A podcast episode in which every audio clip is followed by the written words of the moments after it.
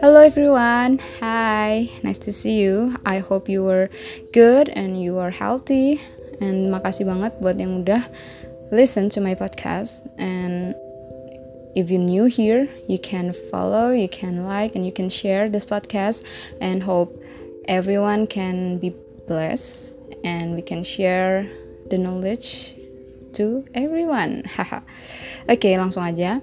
Kita bakal bahas tentang sesuatu yang sebenarnya sering banget terjadi nih. Sesuatu yang kalau bisa dibilang kita nggak sengaja tuh pasti kita lakukan gitu. Kayak sudah spontan aja gitu. Ya benar banget. Seperti judulnya yaitu toxic positivity. Nah ada nggak sih pernah kayak gini nih? Ada teman nih datang. Ya lagi kalut gitu ya lagi sedih terus dia datang aduh gimana nih aku? Aku capek banget menahan kehidupan ini yang berat banget. Ya deh cakep. Nah terus kita spontan aja nih. Ah udah nggak apa-apa. Kamu pasti bisa. Nggak apa-apa nggak apa-apa kok nggak apa-apa. Udah nggak apa-apa. Semangat ya. Aduh pasti bisa. Janganlah murung terus. Senyum aja senyum aja. Senyumin aja. Iya asik, cakep ya. Kayak gitu. Jadi kayak gitu ya sering mungkin beberapa kali kita pernah ya. Mungkin. Nah tahu nggak sih? Ternyata itu tuh namanya toxic positivity.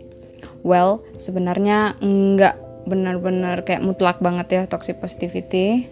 Tergantung konteks keseluruhan percakapan kalian sih kayak gimana. Nah tetapi uh, kenapa dinamakan toxic positivity? Itu karena sesuatu yang berlebihan itu kita tahu bersama apa yang berlebihan tuh pasti nggak bagus over over gitu pasti nggak bagus. Makan kebanyakan ya nggak bagus.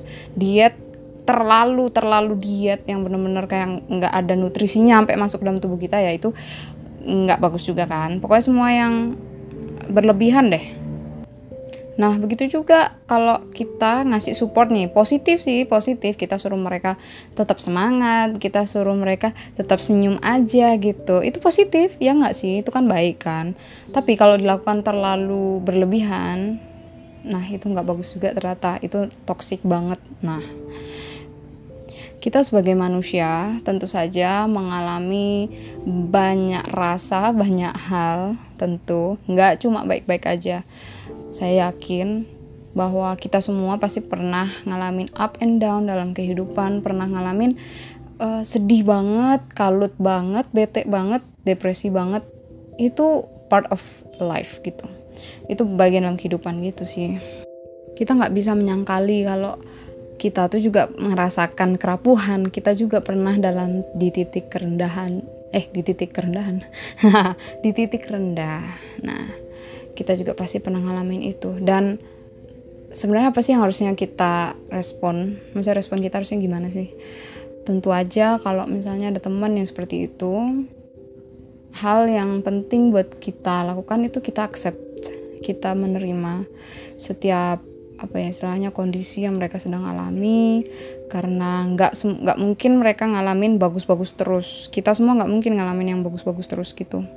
Dan if we deal kalau kita sedang menghadapi masa sulit ya udah accept this. Terima itu semua dan tetap optimis.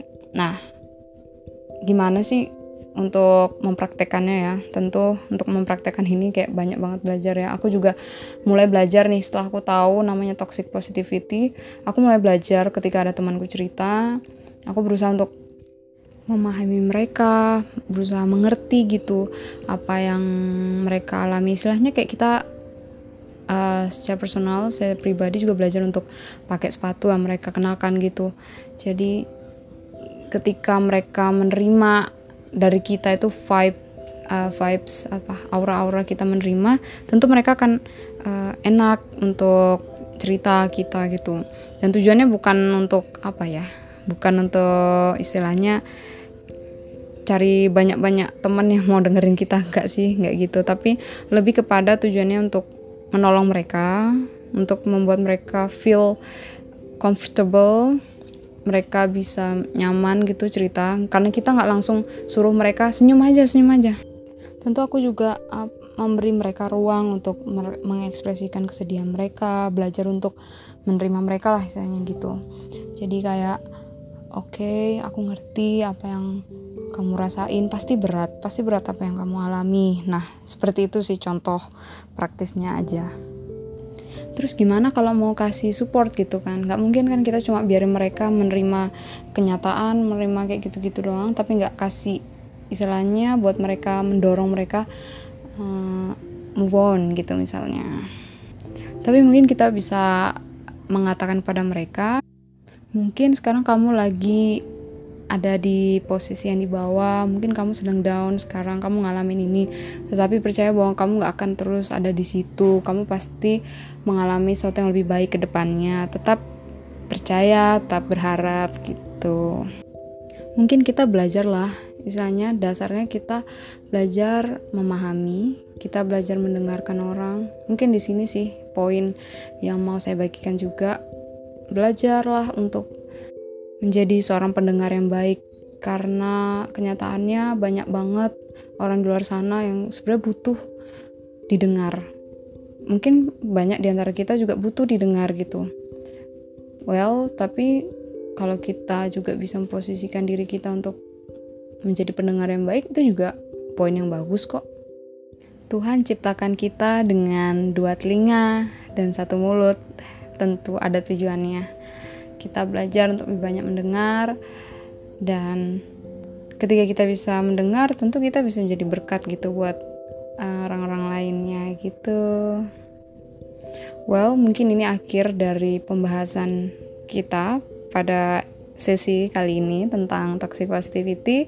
I really like to know apa pendapatmu, pandanganmu ataupun kamu punya sesuatu yang ada di pikiran something in your mind sebuah topik itu mungkin I can help I can learn dan aku berusaha untuk share itu di podcast ini di next episode.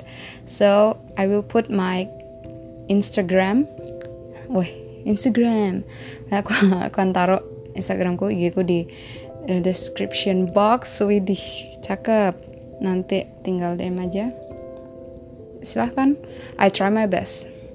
Thank you. God bless you. Stay healthy